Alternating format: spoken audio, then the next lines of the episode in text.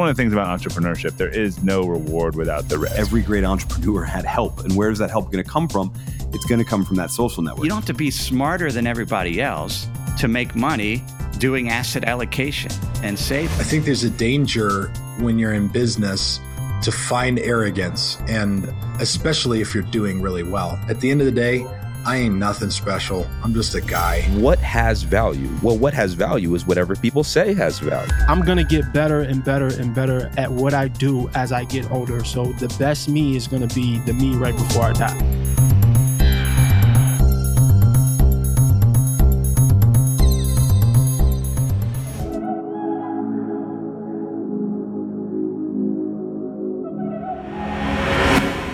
Hey, internets, welcome back to the Marketplace Podcast. I'm your host, Priest Willis, and today is episode number 118. And I have a special guest. His name is Dave Dahl, and he is a co founder of Dave's Killer Bread. Dave has an amazing and an American story, frankly. He has a life of second chances. He talks about his dealing with bipolar, drug addiction, and loss in some cases. He lost a good friend of his along the way.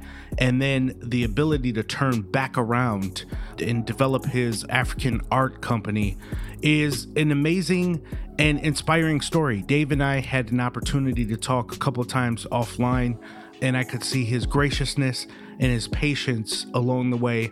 And I think that we read articles and sometimes people are misunderstood or we draw our own conclusions.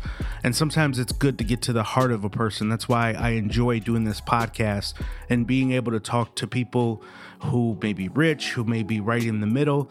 But whatever the case may be, we are all going through it. So I appreciate Dave's story. I hope you sit back and get something out of this as well. Without further ado, here's my man, Dave Dahl.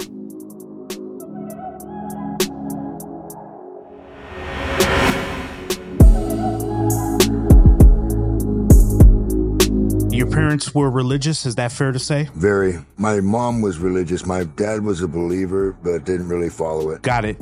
And at the time in Southeast Portland, they both owned a bakery, correct? Yes. Okay. And so that's kind of where your initial love for baking, or at least you were comfortable around the kitchen just based off of your growing up. Absolutely. Uh huh. Okay. So as you were coming up, what, you know, you were coming up in a house of faith and you know you were it's fair to say at the bakery with your parents or at least would step in from time to time. Where would you say your life started to change a bit? I didn't have uh, much of a social life as a kid. I was pretty much a loner lone kind of a misfit but i was pretty religious. I was drinking the kool-aid till i was about 12 years old or so. And then um, after a while i for some reason uh, it, i just started getting doubts about about it. And uh, when that happened, it was tough because I didn't really have another something else to, you know, latch on to as far as beliefs or whatever. I, so I didn't believe in that. And now I didn't believe in really anything. So, so you, you would hear the stories from the Bible and you didn't necessarily believe in those stories or you started to question them, but there was nothing that really you kind of fell back to your father or anything like that, or your parents both, and sit? Well, I tried to talk to my mom, you know, about it, and my my dad, hoping that they could somehow ease my mind on it, but they didn't. They never really thought about the things that I was thinking. So I was immediately knowing that I was different than the rest of the family. So although my brother, my older brother, he had left the faith too. So I just was feeling disenfranchised, I guess. And I just didn't really have a group that I belonged to anymore. Yeah. So you began to grow a little distant from the church and kind of moving away from what your parents or particularly what your mom was getting you into. And at that point, I think I read somewhere or heard somewhere that you just started to become you said a misfit, but at that point, it's is it fair to say that's that was worse? Yeah, you started to become depressed and suicidal, even correct? Yeah, by the time I was fourteen or so, I was beginning to you know about suicide quite a bit. Yeah, and was that primarily just based on thinking that no one was really on your side, basically? Yeah, I just didn't have. I didn't seem to be like other people, and I didn't have the. I just didn't fit in anywhere. My family was definitely not a normal family as far as having social life and all that. They, their life kind of revolved around the church and, um, and the bakery. But the church, you know, I went to school. I went to Seventh Adventist schools as well as church. So life revolved around that. Mm-hmm. And so it, all of a sudden it didn't. And that really messed me up. So you start to go down this path. And the reason why this is important for our listeners is because there are a lot of people that experience a mental illness at some level or something begins to happen, but there was a turning point for that. A lot of times people tend to write people off as just crazy or they're dismissive almost of people. Yeah. And they have to understand that there's a moment in time where you could capture that child's attention. And sometimes we miss it. We miss the signs, we miss whatever it is.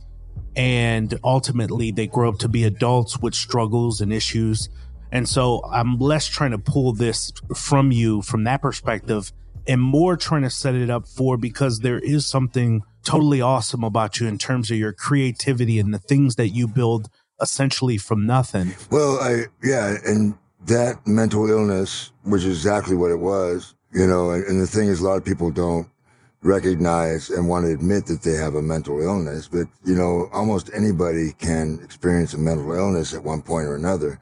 It's like a cold, you know, it's like anything. You get it and it can be dealt with, but I didn't have the tools to deal with it at that point. So what I did is I started drinking a little, you know, not, I didn't drink a whole lot when I was a kid and I didn't smoke a whole lot of weed, but none of it agreed with me because my brain wasn't settled. So it was all going in the wrong direction. And, uh, yeah. Mhm. So I, I just got more and more lost, it seems like. So by the time you got into your 20s, you started experimenting with drugs or you got into meth. And, Yeah, I, I think I was 22 when I shot my first hit, and it was very. I was suicidal. I was definitely suicidal when I did that, and I was like, to put a needle in my arm, that was going pretty far. But that's because I didn't care. You know, my life was over. What did I have to lose? Mhm. But when I put it in my arm, that meth, and we called it crank then, it was my first transformation. It was like the first time I ever felt good. And, you know, good where I was like capable and ready to go and do whatever.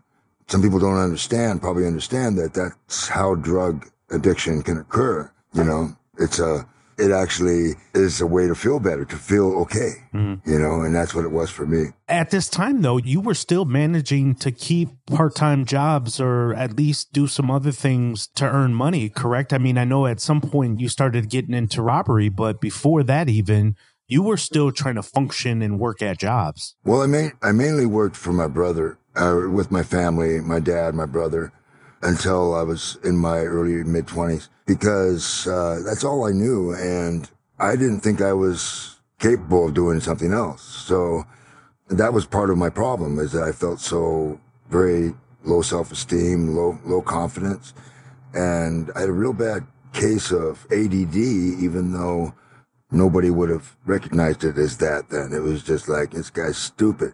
you know, I mean, I mm-hmm. just couldn't concentrate. I couldn't focus. And so I would always go down these roads in my mind that would, that would take me nowhere. How many times would you say you ultimately ended up in and out of jail through that whole experience? Many times in and out of jail, too many to count, but because I was arrested so many times, but I went to prison four times and did county time a few other times, a total of 15 years. And what was it about the the final time that you went to jail that you just decided this is it? I don't want to do this anymore, and all of a sudden you began to change. What was that moment? there had to be a, a something to replace this, right? There had to be something that had to change. I couldn't just make a decision that I wasn't going to do this anymore because there had to be something to replace it. And it took me a few years into my fourth prison sentence. I had about 11 or 12 years behind me at that point of prison altogether. I was suicidal again and facing myself and I'd been sitting in prison for three or four years straight. And now I couldn't run away anymore. And most of my life I'd been running away and it always just got me in more trouble. Well, this time around, I was stuck facing myself for all this time. And I eventually just had enough and I, uh, kind of waved the white flag and dropped a inmate communication form, which they call a kite. I dropped that in the, uh, in the box asking for help from the psych services, which was a big deal, you know, telling on yourself basically. The kite is a letter essentially that you're floating to somebody in the jail or somebody in authority in jail, and you're kind of Yes. you're kind of saying, hey, you're crying out for help at that very moment. Yeah, and I got to be careful because if I tell them I'm suicidal, they're gonna they're gonna brand me and put me in isolation and all this crazy stuff. So I just said, when I got to the doctor, I just said, look, I'm, I'm just having a hard time with things, you know, dealing with stuff. And I was just blown away that there even was a solution. You know, I'd always thought that the reason why I was depressed was natural. I'm, you know, have a shitty life, so why wouldn't I be depressed? So I'd always thought that it was natural for me to be depressed considering my circumstances. But it wasn't until about that time that I started realizing that it was my mind that was creating these circumstances Mhm. and that I could actually control and steer my life. Yeah, you realize it was chemical and that some drug could actually offset the chemical imbalance Yeah. is what you, what you started to learn through that. That was part of it. I know the chemical aspect is definitely there because what it did, what the chemical did, the drug that I, I got for antidepressant, that helped me. It was a tool to keep me from going down these negative paths that I seem to be wired to. And so with that help, and then, you know, I got the meds and they, they seemed to help and they seemed to help me focus and concentrate. And then about the same time, I got into a uh, vocational training program called computer aided drafting. And I was in prison. You know, I had years left to do, Mm. but my mind was different and I was able to just kill it. You know, I was able to tear it up. It blew me away that I was capable. I was actually at a purpose. I was capable. Would you attribute that to drugs or did you start getting into meditation? What else were you doing to supplement this new mindset essentially? Well, I was, you know, working out, but I'd been working out the whole time. I just hadn't, you know, I was just kind of forcing myself to work out. Now I was enjoying everything. I was, everything was like a new, beautiful experience for me because I was a different person. a sudden. I was like reborn and, you know, I, I couldn't believe what was happening. Every day I'd get up and I didn't hate the, the corrections officers anymore. I just started thinking, wow, this guy's here and he's making, trying to make people miserable. He must really be having a bad time. And, you know, I started thinking, well, I'm not even having a bad time. So I started having compassion for those guys. I started looking back at the people that I'd hated and all this kind of stuff. And I go, wow, you know, mm-hmm. who am I to judge anyone? It was just amazing, amazing uh, transformation that was taking place. Wow. But, you know, the drafting was really all about my mind getting focused on something and getting passionate about the opportunity to create and design. Well, as of December 2004, when you were released from prison, that essentially gave you your new start, if you will, or a new beginning at the time. Talk about that moment when you kind of reset your life and you stepped out and got back with your older brother who ran uh, NatureBake. Right. How did that beginning start? Well, I think it's really important to point out that the actual new reset and rebirth began at the time that I took the meds, dropped the kite in the box, got the meds, and went to school. So those things, that was actually the beginning. I was almost guaranteed to have a good life after that. Mm. I knew it because it was inside of me. Good point. And so I didn't care. It wasn't about making money. It wasn't about any of that. It was about doing okay, but creating, you know, and making something happen. So when I did get out in 2004, late 2004, I did have an opportunity, which my brother gave me to come back to the company and to earn my way back into some sort of equity.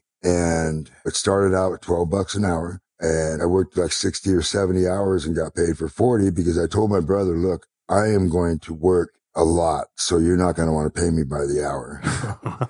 and, and so, yeah, that's just the way I was. I had that entrepreneurial freaking spirit where I'm just going to make something happen. And I never thought it was never really about money. It was about doing something special. Well, you just had a personality, it sounds like, that whatever captures your attention, you would drive 100% towards it. Yeah. So whether negative or positive. So do you think you were always entrepreneurial, Dave? I mean, it, Yeah. it sounds like you always had something inside of you. Yeah, and uh, the thing was, I'd have been happy working for somebody if I, as long as there was an opportunity for me to grow within the business. But this was an opportunity that was better. This was the best opportunity, and I learned to play to my strengths. So obviously, the family business was a strength that I could play with.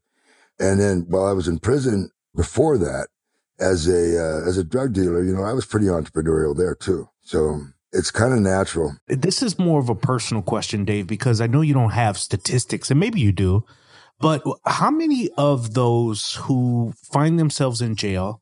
I used to go inside of a jail and talk with the men in the jail, and I realized that one of the times that the men in those jails would go crazy, I'm talking about throwing feces inside the jail, was when they were locked back up in confinement. They were all on lockdown. Mm-hmm. And I used to think to myself, why would they be that angry during that period? And I, there was something instinctually inside of me that said, they're tormented by their thoughts and now it's quiet time and they're left with their minds and that's a lot of what some of these prisoners and people that go through the system are dealing with is mental issues Yeah. how large of a population do you think that is dave based on what you've seen that people are dealing with mental illness either diagnosed or undiagnosed that we just keep shipping through the system I think criminality is a mental illness. You know, it, it's all about maybe definition, semantics, whatever, but to not have your, your mind going in a good direction is not, is, is, is a sort of a mental illness to me, but that wouldn't, may not be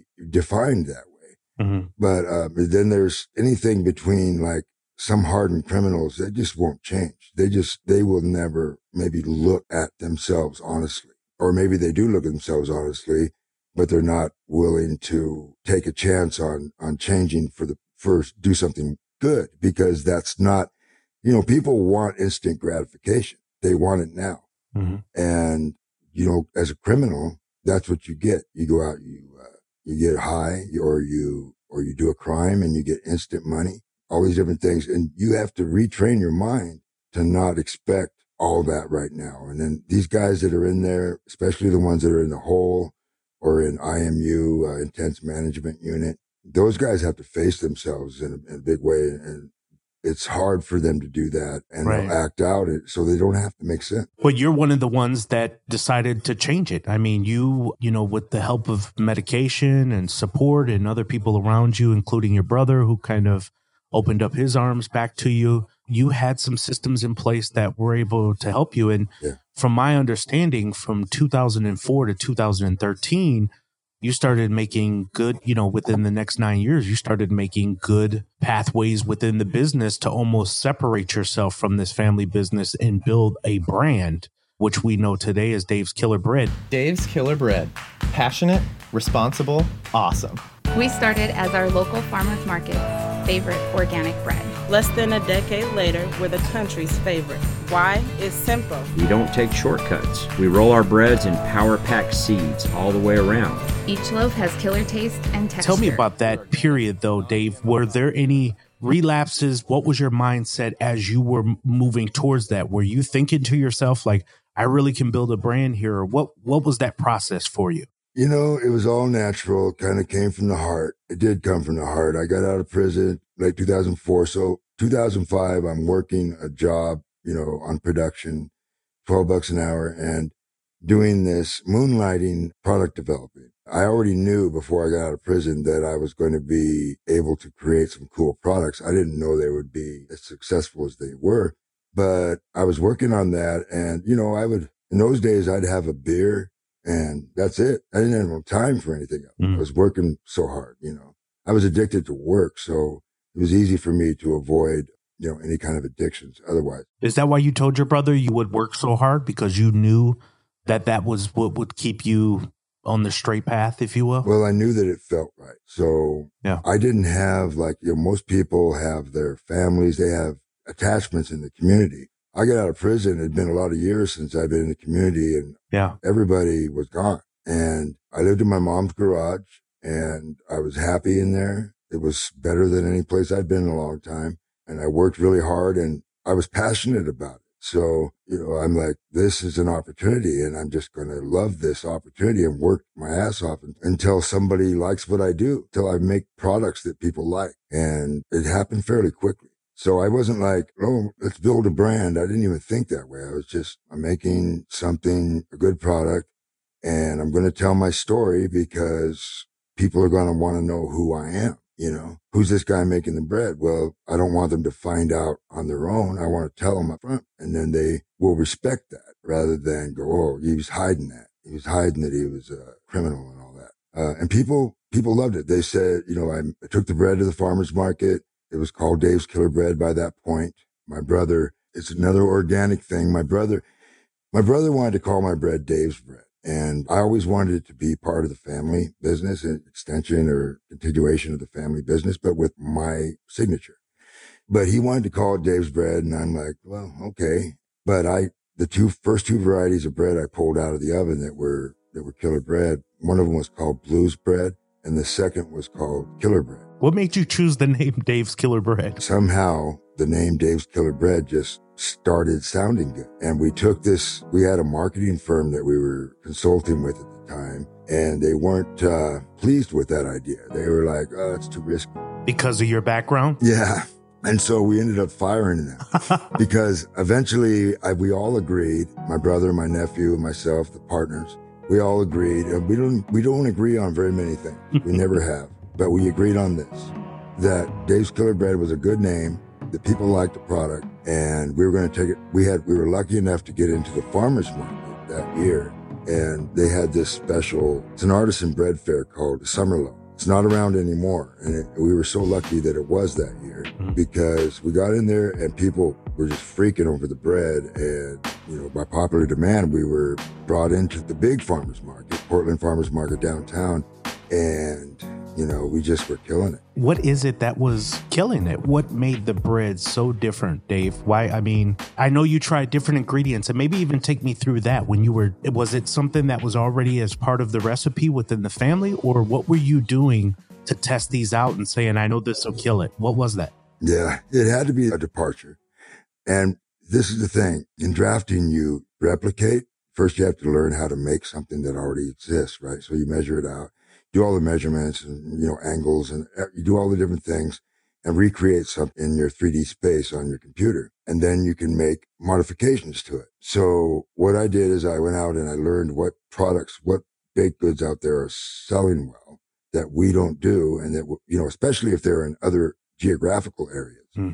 where they're actually successful, say in San Francisco or Seattle. If that was possible, I mean, if there was something like that going on, then I would go out and try to replicate that product. And, you know, if it was good enough on its own, I would just sell it there in Portland. That was my intention. But as I did my experiments, you know, and I replicated other products, I discovered my own ideas. And the ideas were, you know, what makes bread good? Well, how, if whatever ingredients that make bread good, why not put more of those in there? And not only that, but I, I've always wanted to have really good texture in my bread. And so I, I think the number one thing that I did was I considered texture and I went the extra mile with texture that nobody had ever done before. They don't talk about it in books. There's no, there's no, um, trailblazed ahead of me Mm. for what I did. So I used what's called a soaker as the basis for the bread.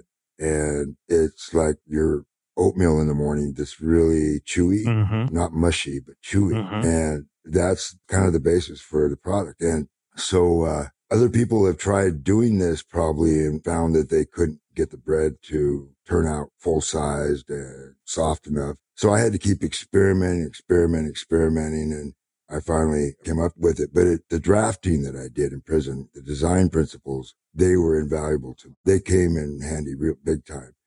And like, for instance, I used a, uh nutrition program as I was designing these products. And I was going, well, if I try this, this is what I'm going to get. If I add this, I'm going to get this kind of nutrition. So I, before I even formulated, before I even made a, a batch, I would always do a test. And, uh, I made a lot of my decisions based on nutrition program. So there was just a lot of, I just approached it in a different way than most people. That's really cool. Also, people think that the money, uh, they, th- you know, they see, once they saw the price tag, my brother, I remember, you know, thinking, oh my God, this stuff's so expensive. Nobody's going to pay, you know, but the funny thing is you make the best product and people are willing to pay. Yeah, that's so true. So you would say the jumping off point for you though was the farmers market for sure. It kind of gave you a consumer test market, if you will, right? Perfect. Yeah, exactly. It was so great. Yeah. So here you are now, you're starting a bakery and you're building up with your employees. And it's funny because when I heard your bakery, now I'm originally from Milwaukee, Wisconsin. I live in Raleigh, North Carolina today, but I'm Spelled from differently. I know it is spelled differently, but I'm from Milwaukee, and at first I was talking to my wife, and she was like, "Milwaukee, he's from where we're from, honey," and I'm like, "No, this Yeah. is this is Oregon." How would you not know about it? Yeah. right. Yeah. So, um, so it's kind of cool because you got your bakery building up, and for the most part, it's my understanding. I believe I heard from an interview you did in the past that you had like a third of people that were coming out of the system, if you will, and getting jobs at your bakery. So you were hiring a few ex-cons basically to work at the bakery. Well, I remember, uh, you know, when I was getting out, even before I got out of prison, I had this feeling that the experience that I'd had, which was the turnaround, the epiphany, and the whole transformation process, which I had discovered, and I discovered some great tools.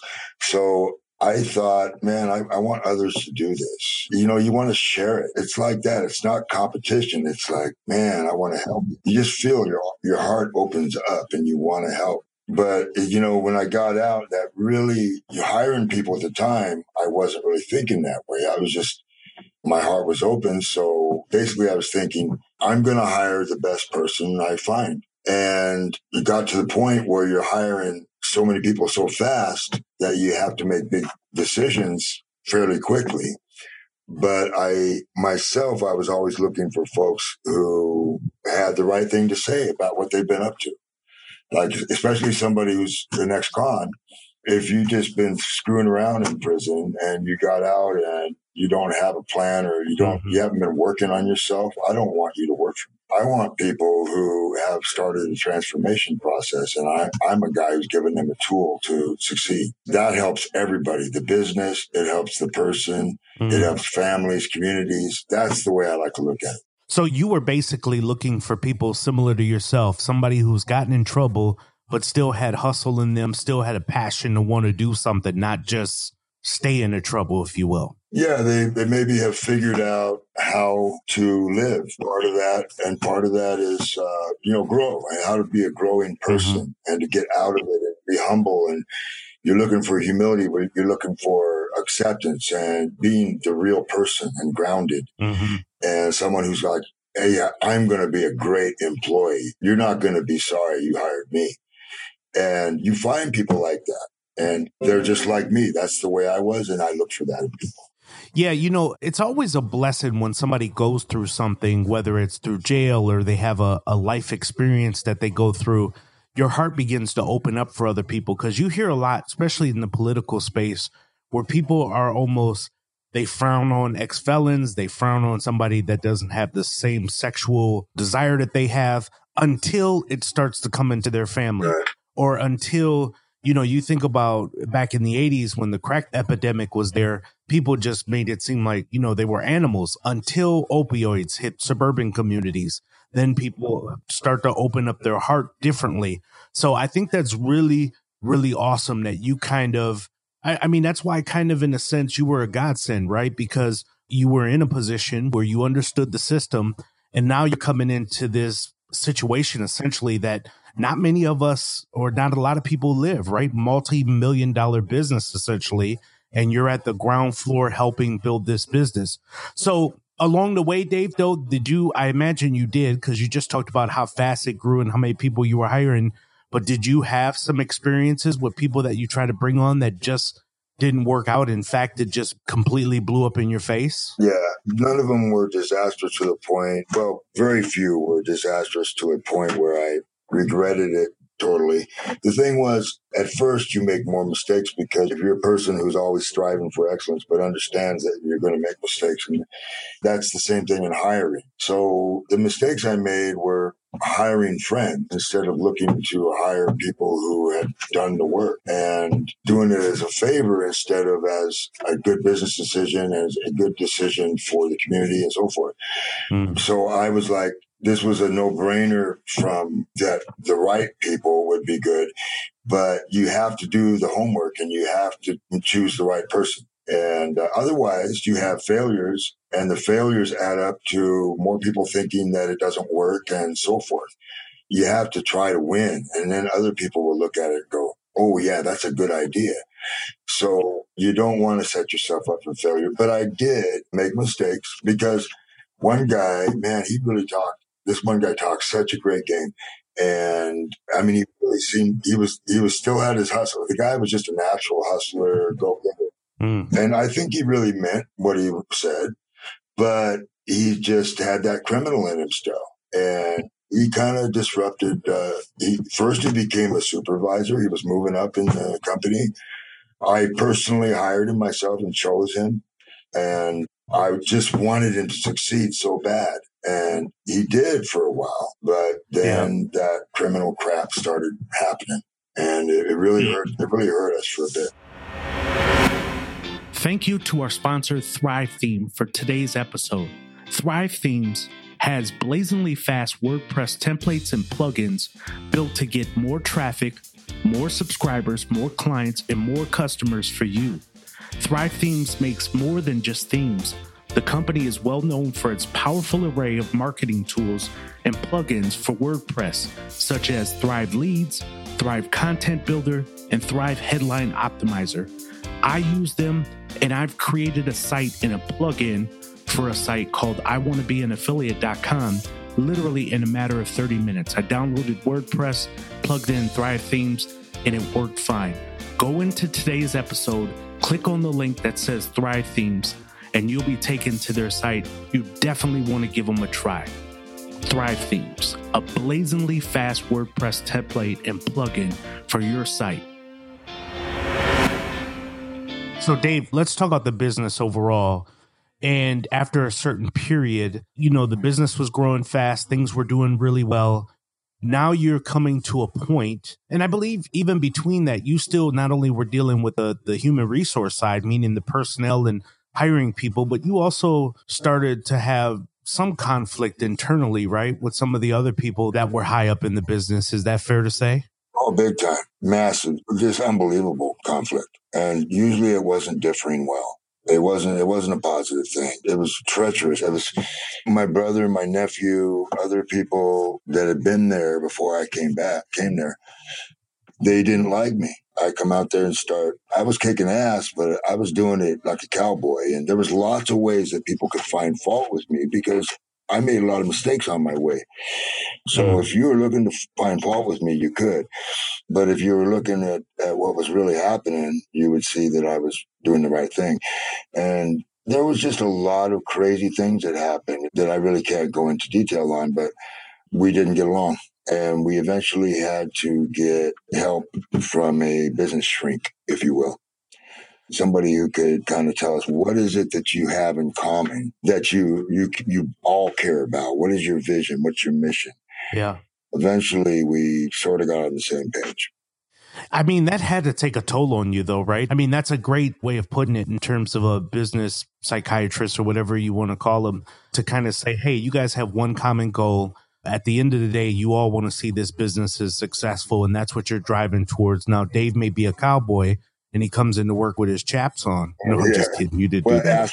Ask, ask chaps, of right, of course, you had to. I mean, it's the only way to make bread. Yeah. so, but you know, you had to find that common place. But in the meantime, inside your soul, Dave, that had to be kind of tearing you because you have your family, you're trying to help people, and sometimes those people that you're trying to help don't see it as help. They're trying to take advantage of you. I mean, where were you at at that time? How did that pull feel to you? All the negative stuff that was happening, all those things, I was like, you couldn't bring me down. Mm. There was, I just wasn't, I wasn't letting that happen. You know what I mean? I like it. I had purpose, and the purpose was so strong.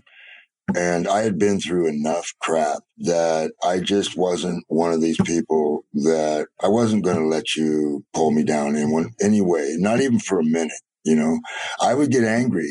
There were times I got angry, which I don't like to get angry anymore. You know, I used to have a temper and think it was just the way it is. Mm-hmm. But I, I actually control my temper now. And, and I just said, you know, I'm on a, I'm on a path. Join me or get out of my way. Yeah. That's kind of a principle that some people have to take in business. I mean, if you're running up against your boss or somebody that you feel like is against you, I mean, you still have to have a purpose. You still wake. I mean, all of us, we wake up every day to be successful. Nobody gets up and says, I hope this is the day I fail in a very public way than mine. Yeah. Dave, you guys end up selling at least half the company in 2012 or 13, was it? The first part was around 2000, late 2012, or no, late 2012. And then the second half we sold in 2015. Dave, tell me, how was that for you after 2013, after you kind of stepped away from the company, if you will? What did that do for your soul then, just to kind of walk away from what was your baby, sort of? It's exactly what it was. Half, the first half selling it, I mean, it was necessary. We had to get help. We were getting going too big. We had too much opportunity and we were fighting the big guys. They were making their knockoffs and doing what they do we had to get help. There was just a lot of things at play. So I had to make the decision. I was the one who it was personal for. So it was hard for me because it was my baby. It was the only baby that I had put that kind of effort into. This was amazing effort, everything, my heart and soul. So in 2013, things started going really kind of screwy. I mean, I was celebrating, drinking a lot, having a lot of fun, partying, doing a lot of things. But that eventually started causing problems. Was there any problems that stood out and pushed you in particular? Well, um, I had a uh, assistant, and uh, before I'd always had good assistants that were loyal and stuff, but this particular assistant was just bad news. I I tried to pick well, but I didn't, mm. and of course I was drinking, so I was putting. Dude was seeing me at my worst, probably. Mm. And little things happened, and next thing you know, I'm an HR case. And uh, so that's like the first thing that happened. And I, I, because of all the new forces in the company and stuff, we decided I would go to treatment in Utah. And I went to treatment for 45 days. Uh, I got out. I, I tried to stay, you know, I didn't drink for a while, but then I started thinking, well, I'm just going to drink a little bit, no big deal. And I didn't really, there weren't any real problems from drinking. It was at that point, it was just like one little thing because people were watching me. So every little thing was scary to everybody. And then one guy, an old friend of mine, goes up, we go up to the cabin, my cabin, and to make a long story short, he leaves and nobody sees him for 47 days and they find him in a ditch. And when that happened, you know, they went on the company Facebook and started talking about me taking him out, saying that I took him out because he had something on me. You know, it just became fodder for so much negativity and bullshit. And, uh, you know, so I had to get an attorney at that point. Now I got to get a defense attorney. And I mean, everything's just spiraling out of control. I am on sabbatical from the company. And now I have this terrible relationship, this really unfortunate relationship with everybody, of which I, I, already had a bad one. Now they got reason to trip on me and say that I'm doing bad things, even though I really wasn't, other than drinking too much. I wasn't really doing anything. So, um, but so much stuff was happening that it just it just created so much stress and turmoil and I was losing my baby and I eventually just lost it. I lost it. And that's what happened 2013. That was a lot, it was a crazy day. And, you know, I walked into the, uh, to the store front, the bakery, we call it bread quarters, killer bread quarters. Walked in there and there was this cardboard cutout of me and I'm not supposed to even be there, right? This is my company. I'm not even supposed to be there. So I walked and, and really I haven't done anything except develop a drinking habit and I'm very resentful about it. So I walk in there and I see this cardboard cutout of me. And I walk up to the cutout and I don't know if I formed this thought, but I know what I was thinking was this guy can't be here if I can't be here. Mm. So I punched him. I punched the cardboard cutout. Yeah, I'm, I'm a tough guy. So I punched the cardboard cutout. Joking. So anyway, the rest of the day, the rest of the day just got worse and worse, and I, I really just spiraled. And that night, ran into a bunch of cop cars, and mm. that should never have happened. But because it did, it kind of changed my life forever. And I discovered depression again, and the kind of depression that you can't move. So uh, I couldn't move. I thought my life, I thought it was over, but I this time I was not suicidal because I knew that there was a way out. I just didn't know what it was. So I found my way out, but it took a while. And in a way, you've been there before, right? I mean, when we talked earlier, you talked about going through depression. I know it was a little bit different in terms of how the depression presented itself, but you weren't as crippled by it as you once were. You knew how to get out. But at first, I was. I was physically crippled. I could not move. I was so depressed, and Right. I had a damn good reason to be. And so it wasn't like, oh, this is something chemical or whatever. Well, it, it might have had some chemical aspect, but my life had just taken a serious downturn. and I had hurt, in my mind, I had let down the world. And that feeling was, I just couldn't deal with it. And it took me a while. And I saw media coverage about me that I just couldn't live with. And it just took me quite a while to come out of it. You know, what's interesting is when you and I first started talking, I was chatting with your daughter. I looked at her email, and we're going to get into this a little bit about the African art collection, basically, which is kind of your new venture. And that's what I want to lead into. And I thought when I first started talking to you guys, like, how did he go seriously from the beginning of the bread to now the bread and then totally veer off into the art? But it makes sense to me because I think about people that find themselves in challenges in life and they end up totally doing, you know, somebody who is a big, you know, chief marketing officer at a large Fortune 500 company becomes a gardener Yeah. somewhere in Utah. It's because you kind of detach and put yourself into something that is totally creative and something that in some respect doesn't talk back sometimes. And Absolutely. It was, it, the way I look at it is it wasn't about me at all. And what I had been, what I had recently gone through, it was so hard to be me right then. And I just was like, look, I'm still, I still have the same heart and soul. I did not, none of this should have happened because I'm not that guy, right? But I, I just like, you know what? I made it successfully, financially, all this stuff. But now, you know, I was de- super depressed anyway. But then I came out of that and there's a lot of stories, but the essential thing is that I, I thought, well, maybe I'll go out and start speaking again because people did want me to speak. Mm-hmm. But after I did it once, I went to Spokane and had and spoke. I was like, nah, this isn't for me right now. I'm not in any shape to do this. Even though it was successful, I just wasn't up to it anymore. So I eventually found African art by just going on online and into uh, eBay and stuff. And, and I was collecting masks and stuff. And it was, it was totally not about me. And that's why I did it. And uh, it worked to help me heal. You know, I was going to ask, have you have you been sober since you've gotten past the incident? No, I actually had a moment of drinking where I, and I had to have another come to Jesus moment on that aspect. And, and when I say come to Jesus, I don't mean literally, but hmm. No, right, right. I I did have it. I went to some treatment, and ever since then, I've been fine. It's been it's been a couple, two and a half years, two years. Well, congrats, congrats. That's actually a pretty long time, considering I have. I, Hopefully, it's the rest of my life. I'm hoping the same for you. I have relatives, uncles that dealt with alcohol, and in fact, I mean, you know, in some respect, my personality is that way. I mean, I've never been addicted, but I could see myself if I allowed myself getting into it. I could see how it can take somebody in. So I want to talk about this art here, Dave, because I think this is really, really cool what you're doing. I mean, this is unique too. I mean, I've never been anyone that has kind of an African art business and uh, been to the site. I think we've talked about it offline a little bit, but why don't you tell the audience a little bit about what what you've tapped into? So I know you've bought some pieces on eBay, you've done some other stuff, but tell people about the business in general. What is the focus? I know it's kind of to take away from you, but what's the premise of the African art business?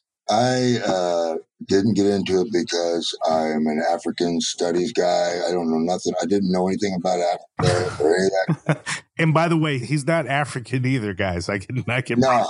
I can promise you that. People always want to say, well, what? Well, first of all, if they don't see me, they go, well, you must be African American. But if they do see me, well, why are you into this? I'm like, I don't even think of it that way. Right, right. Until people started talking to me like that, because I was all by myself doing my own thing. I was totally into it. I, I didn't even think about the fact that I'm white and this is uh, done by black people. I actually don't think it matters. I'm biracial. My mom is white, and I swear to you that when I used to go to parent teacher conference, I didn't realize my mom was white until people like, I didn't know you had a white mom. And I'm like, ah, I guess now that you bring it up, I guess she is white, but I totally get what you mean. When you have a love for something, some of that just doesn't dawn on you. It's it's really I about know that some people say that it's not politically correct to be colorblind because you should look at the differences in people and celebrate them. And, and you know, honestly, I do celebrate the differences in people, but you know, I just don't think of people like, oh, that dude's black, and you know, Right. so he's this way or that, you know. So I, I'm not like that. I mean, there was a time in prison that I was basically, in order to survive, I thought I had to be to join up basically with uh, the white guys, you know. the Aryan Brotherhood or something like that, maybe. Yeah, I didn't quite get that far, but I was I was definitely you know on that side and thinking you, you had to choose sides at least if you did weren't strong enough to be on your own. Like I eventually became where I just you know what screw you I'm I'm not on your games, but I had to get to that point anyway. And since then, I don't think about. I just love people, you know. If I like people, it doesn't matter what color they are.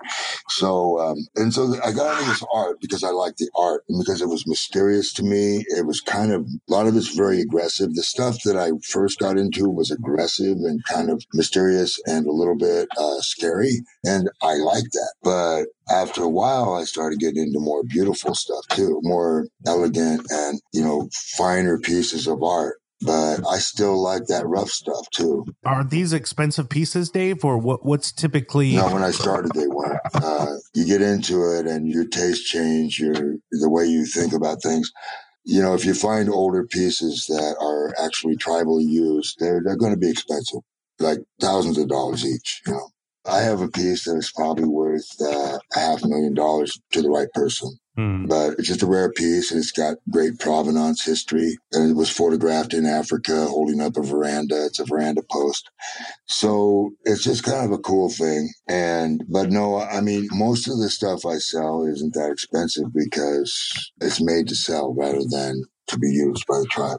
You know who I found out, a hero of mine I found out was into African art. And since recently, I just, in fact, I just talked to him last week on the phone. His name's Billy Gibbons from ZZ Top. Oh yeah, yeah. And Billy Gibbons. Yep. I, I was just blown away that he's into it. I'm into it. I didn't know. I mean, I always liked ZZ Top big time, and I had no idea until I was into it that he was. And so we've conversed, conversed about it and stuff.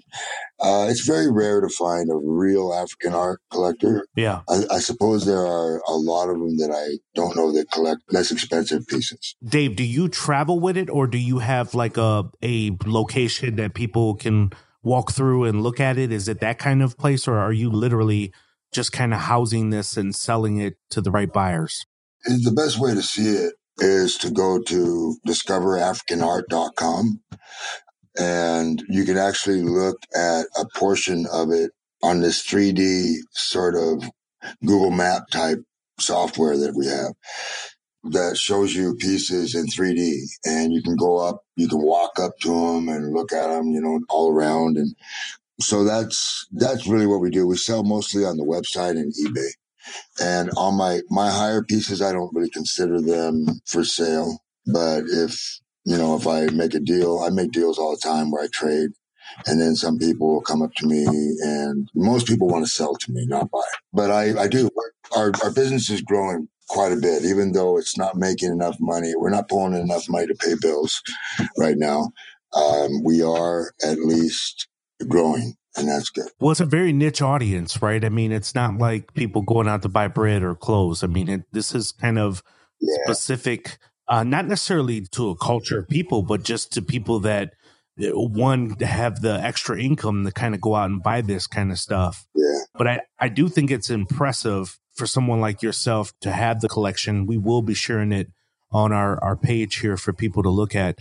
How, how do you market the business? I, so I know you have a website, but are you doing some SEO around it? SEM? Do you have Facebook page? What are, what else are you doing for it? Yeah, we're always trying to do trying to do SEO and uh, you know Google stuff. We've never had just incredibly incredible success. It's kind of like eventually all the little things that we do start to add up. Um, newsletters and uh, you know eBay promotions, website promotions. We try to cross market as much as we can, but if you have uh, eBay, eBay is very difficult to market on because they're so controlling. Uh, they don't want you to get independent of them. And so it's, it's tricky to get to, uh, get customers from eBay that where it makes more sense to do business. right now I'm focused on a lot of different things rather than just this. And I mean, I've got several employees, including my daughter, who who put a lot of time into it and dealing with all of the sales and you know packaging and, and shipping stuff there's just tons of work that goes around this. And uh, as far as getting more into it like that, doing a kind of a, a, business that's sort of almost unrelated because it doesn't. We're we're to the point of we just want to sell as much as we can and slow down and get the inventory down so I can move the product, the rest of the product out of this this lease that I've got that's killing me. Good point. It kind of cuts out you selling your product. I do agree with you. Man, look, Dave, you and I have been talking for a few weeks. I'll save the listeners any info behind this, but I do want to say you are such a good dude. I want the listeners to know that I've talked to Dave by email, by text, by phone, and this guy has always been gracious, considerate. I can't say enough. I'm a fan of yours, Dave. I mean, just beyond the bread, beyond the story. I think you're a good dude. I think you're doing really, really cool stuff, unique stuff, which I really can appreciate. And I just hear the sincerity in your voice and the energy. I love it. Well, thank you, Priest. And you know, I really, I'm looking forward to meeting you. Yeah. Um, whether I come out see you there, you come see me, whatever. You know, at some point we're going to meet. We are. And you know what I'm really up to nowadays. I'm, I'm not sure that that you're aware that my main focus, I want to be a speaker. I've spoken to thousands and thousands and thousands of people as Dave's Killer Bread, but it was never the product. The bread was the product. Now I'm trying to develop a speaking platform where I'm helping people kind of do what I've done. And it's a lot of work and I'm just, you know, I'm just kind of tipping the iceberg right now, but I just think that's kind of where I'm going to be focusing a lot of my energy going forward. And, you know, the, the African art will always be something I love and it'll, the folks who run it are going to take care of it. And, uh, I'll just keep my eye on it. But I really want to get out there and do my, what I consider to be my higher purpose. Well, well, let's take this moment here and Dave, if there's somebody listening and they want somebody to come and speak at their event, I, we have a lot of listeners. Most of our listeners, listeners, in fact, is on the West Coast, Silicon Valley area. So why don't you share? How can people get in contact with you, and how could they uh, start talks to maybe have you come out and speak to their groups or whatever it is? Feel free to share your information. I won't be speaking that soon, other than I've got a couple little things lined up that I, I always do pro bono for fun and for helping people. I'm always willing to do stuff like that as long as I have the time to do it. Where I, I just go speak to a graduation, but it's got to be a cause that I really care about and, or that, that I can speak to, you know? And so that's what I do. If I feel passionate about a cause and they ask me to speak, I speak. Uh, so they can go on the website and contact us that way.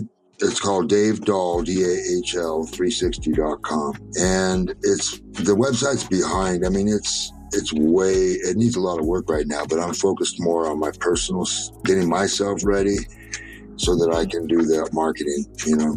But yeah, I love to hear from people who've got, who, you know, that want to talk about these sorts of things, world changing stuff. It's also Facebook and it's Dave Dahl, creator and co-founder of Dave's Killer Bread. I want to change that because I don't want to be known just Dave's Killer Bread forever. But right now, it's that's what it's called.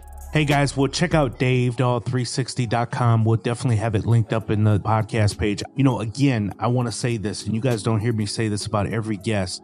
Dave is really, really a good dude, has an amazing story to tell, and I think he has a unique approach to business. He's not following this templated approach that maybe we've heard from others. Definitely check him out, support what he has going on, share it. If it's not for you, share it with somebody else. I definitely want to get his story out there. Dave, thank you again so much for being a part of this. All right, bud. You're the man. It's great talking to you. See you.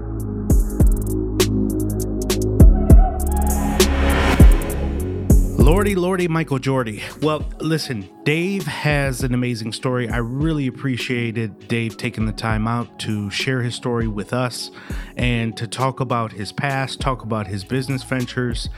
And he's really in a good place right now. As you heard him, he's been two years plus sober and starting his African art collection, which is pretty amazing.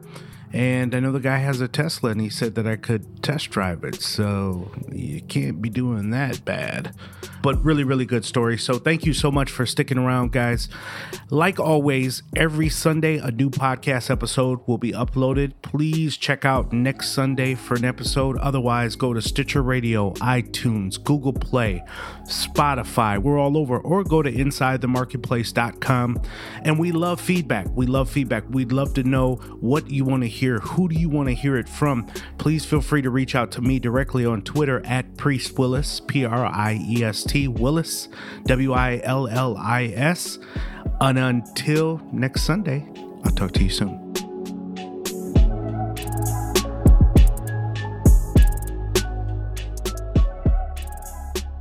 I'm the best ever. My style is impetuous. My defense is impregnable. And I'm just ferocious.